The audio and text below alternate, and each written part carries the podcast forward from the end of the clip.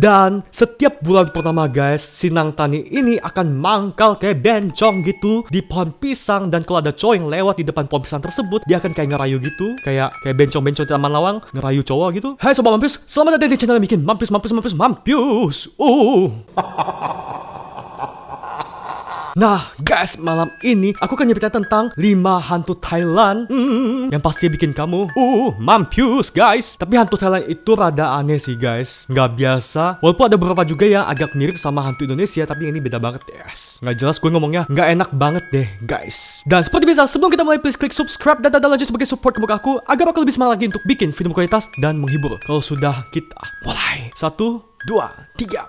Hantu Thailand yang pertama yang akan kita bahas itu namanya adalah agak aneh nih guys, agak susah sebut Pilang Kluang. Nah, jadi untuk lo yang sering banget traveling ke Thailand, lo harus hati-hati nih guys kalau ketemu hantu ini. Soalnya hantu ini tuh sering banget kayak menjelma atau nyamar gitu jadi kayak traveler lain, turis-turis lain dan akan ngedekatin lu. Lalu saat ketika kamu dekat dengan dia dan udah akrab nih, tiba-tiba dia tuh akan minta kamu kayak garuk punggungnya gitu dan gak lama setelah itu saat kamu garuk punggungnya, kan dia buka baju tuh, kamu baru akan sadar kalau punggungnya itu bolong-bolong guys. Ada luka yang menganga dan kayak banyak belatung gitu. Dan ya akhirnya kamu sadar kalau dia itu bukan manusia biasa. Tapi dia itu adalah Pi Lang Kluang atau hantu Thailand yang punggungnya itu bolong. Mungkin kan sundel bolong kali ya cuma versi Thailand. Dan ya pasti jijik banget. Mohon maaf nih ya nih hantu alergi apa gimana ya? Gatal-gatal di punggungnya. Makanya jangan banyak makan telur loh sama udang. Alergi kan loh. Tapi sumpah sih ini hantu jorok banget. Gila ini kalau di dunia hantu pasti dijauhin nih sama teman-teman yang di sekolahnya. Nggak punya teman nih ini orang. Eh, ini orang lagi. Ini setan. Makanya beli bedak no. Ngomong-ngomong di sana ada bedak ya? Apotik setan gitu? Di neraka? Oke kita lanjut ke hantu Thailand yang kedua. Ini namanya juga agak aneh nih. Nama hantu ini adalah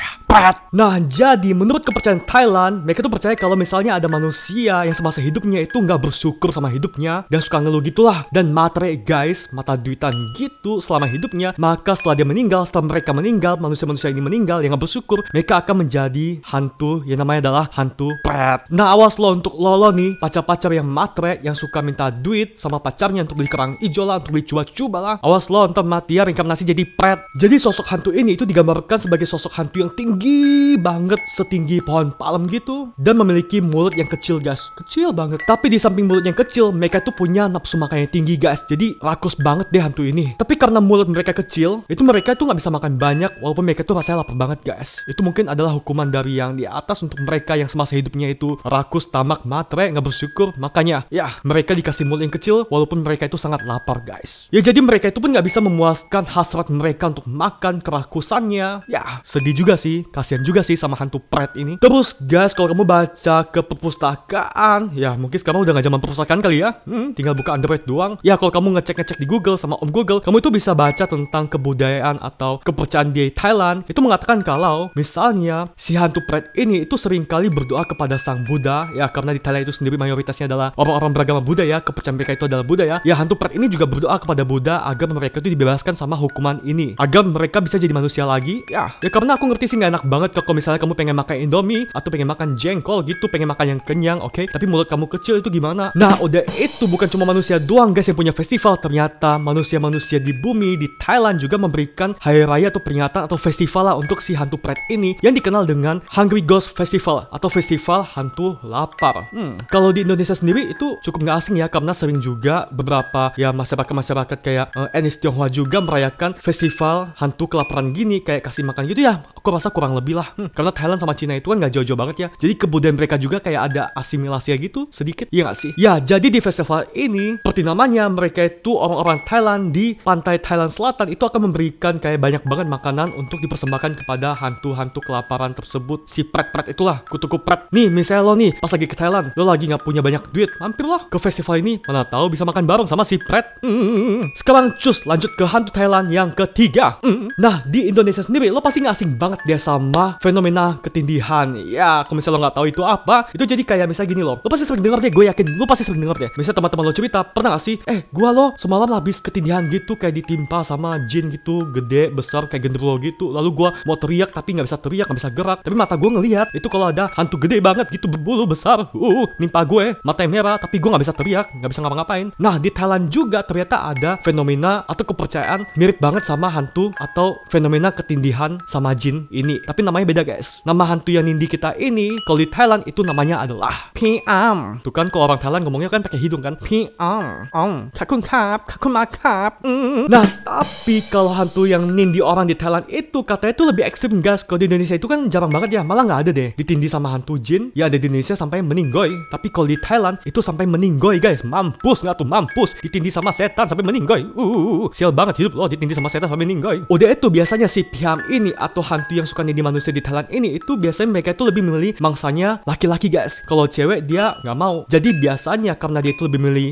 cowok untuk dijadikan sebagai objek ditindihnya dia itu para laki-laki yang takut sama si Piam mereka tuh akan pakai kayak lipstick gitu ke pipinya, eh bibirnya sampai dikira dia itu kan jadi cewek ya. Jadi Piam akan nganggap si orang yang mau dia tindih ini kok jadi cewek, maka si Piam bakal nggak jadi untuk nindih si laki-laki yang jadi jadian ini yang pakai lipstick guys. Jadi kalau misalnya kamu datang ke Thailand, kamu takut ditindih sama Piam, cus sebelum tidur pakai lipstick guys. Oke, beli no di toko sepatu banyak lipstick. Terus kita lanjut ke hantu Thailand yang keempat, oke guys. Namanya adalah Nang Tani. Ini bukan Pak Tani ya, tapi Nang Tani. Nang Tani. Mm. Nah, Nang Tani ini tuh dikenal sebagai sosok hantu perempuan yang cantik banget. Mungkin kayak kuntilanak kalau lagi ngejelma jadi wanita cantik kali ya. Ya, kurang lebih seperti itu. Dan si Nang Tani ini itu juga digambarkan sebagai sosok wanita yang memakai, yang suka memakai pakaian khas Thailand gitu guys. Jadi anggun banget kayak Dewi Dewi Thailand gitu. Dan juga biasanya pakaian mereka itu berwarna hijau guys. Mungkin 11-12 kayak baju yang Nyi Roro Kidul ya nggak sih? Dan biasanya si Nang Tani itu demen banget tinggal di pohon pisang. Ini 11-12 nih sama di Indonesia nih. Kalau ada pohon pisang itu pasti kita ya kamu tanya deh sama uh, tetua-tetua atau tetangga-tetangga kamu mengenai pohon pisang. Apalagi kamu tinggal di kampung itu pasti mereka bakal kayak kalau udah maghrib nggak boleh deh main-main ke pohon pisang ya nggak sih waktu kamu kecil karena ada penunggunya lah apalah itu sama persis deh kayak mitos-mitos yang ada di Indonesia ya nggak. Nah di sini sama nih di Thailand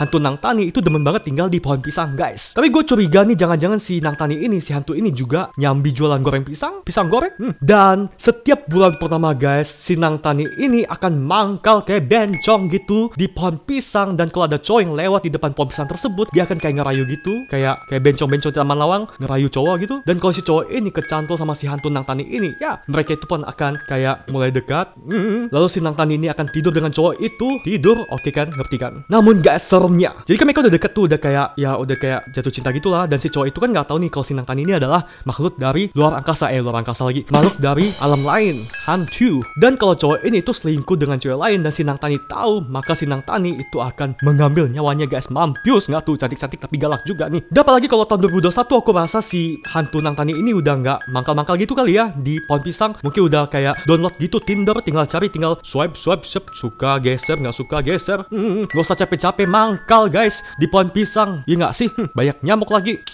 Nih untuk lolo nih yang demen banget makan pisang goreng. Kalau bisa pas ke Thailand mana tahu kamu ketemu pohon pisang. Pas bulan pertama cobain tuh pisang goreng Sinang Tani. Mana tahu beda rasanya gitu sama di Indonesia. Hmm. Kemudian hantu khas Thailand yang kelima atau yang terakhir adalah ini agak susah nih namanya Pi Kong. Koi. Nah penampakan hantu yang satu ini tuh agak aneh gas nggak wajar deh karena dia cuma punya satu kaki. Jadi kayak Monster Rancher gitu gak sih di game kalau kamu main game gitu masih inget anak tahun 90-an Hai. Monster Rancher yang kaki satu doang gitu. Dan biasanya hantu ini tuh tinggal di hutan guys. Ini sumpah apa guys? Kalau misalnya aku ketemu nih hantu dan kalau dia tinggal di Indonesia gue bantuin galang dana di kitabisa.com ya nggak sih? Untuk beli kayak kursi roda atau kayak penyangga dia jalan. Karena kasihan kan cuma punya satu kaki gitu. Hmm, udah jadi hantu kaki cuma satu. Mampus gak tuh? Mampus. Nah ciri khas yang lain dari hantu satu ini adalah dia itu akan jalan dengan loncat-loncat dari tempat yang satu ke tempat yang lain. Jadi kaki satu jalannya kayak pocong nih loncat-loncat. Mungkin si pocong pernah ngeles sama dia di Thailand atau dia pernah ngeles sama pocong di Indonesia? Siapa tahu? Hmm, pertukaran pelajar gitu Thailand Indonesia. Mode itu pas dia lagi jalan loncat-loncat ya. Dari tempat satu ke tempat lain dia itu akan mengeluarkan suara kayak koi koi koi koi. Ini gue yakin nih pas hantu ini masih hidup jadi manusia dia itu pasti adalah seorang tukang sayur guys. Koi koi pacoy hmm, kangkung hmm, koi koi. Terus guys yang lebih gloy lagi adalah si hantu ini itu demen banget ngisap jari kaki orang guys. Jadi nih kalau misalnya kamu adalah seorang yang suka camping di dalam hutan hati-hati guys. Bisa aja si kongkoi ini itu ngisap jempol kakinya kamu. Ya cek deh kalau yang tiba-tiba kaki kamu kayak diisap-isap gitu mungkin itu bukan pacarnya kamu tapi si hantu kongkoi ini. Hmm, kalau hantu kongko ini sepak guys, sepak sampai keluar tenda. Kan gelai banget gak sih dihisap sama hantu Thailand gitu? Ini hantu pasti gak sekolah nih udah tahu jempol kaki itu kan jorok ya. Daripada lu hisap jempol kaki sini, gue belanjain dah, gue jajanin dah. Ke Indomaret, es krim enak tuh, aice aice. Lebih enak coy daripada lu hisap jempol kaki. Jorok cuy banyak kuman, gelai. So guys, kedua video hari ini menurut kamu gimana guys? Dari video baru saja kita bahas, hmm, 5 hantu khas Thailand unik-unik bukan? Dan beberapa hantu tersebut itu agak-agak mirip banget ya sama hantu-hantu di Indonesia. Hmm, ya, atau kamu juga pernah gak sih pas traveling ke Thailand gitu, kamu ketemu sama atau punya cerita juga tentang hantu-hantu yang ada di Thailand? Kalau punya, please ceritain di kolom komentar. Ya ada di bawah. Oke.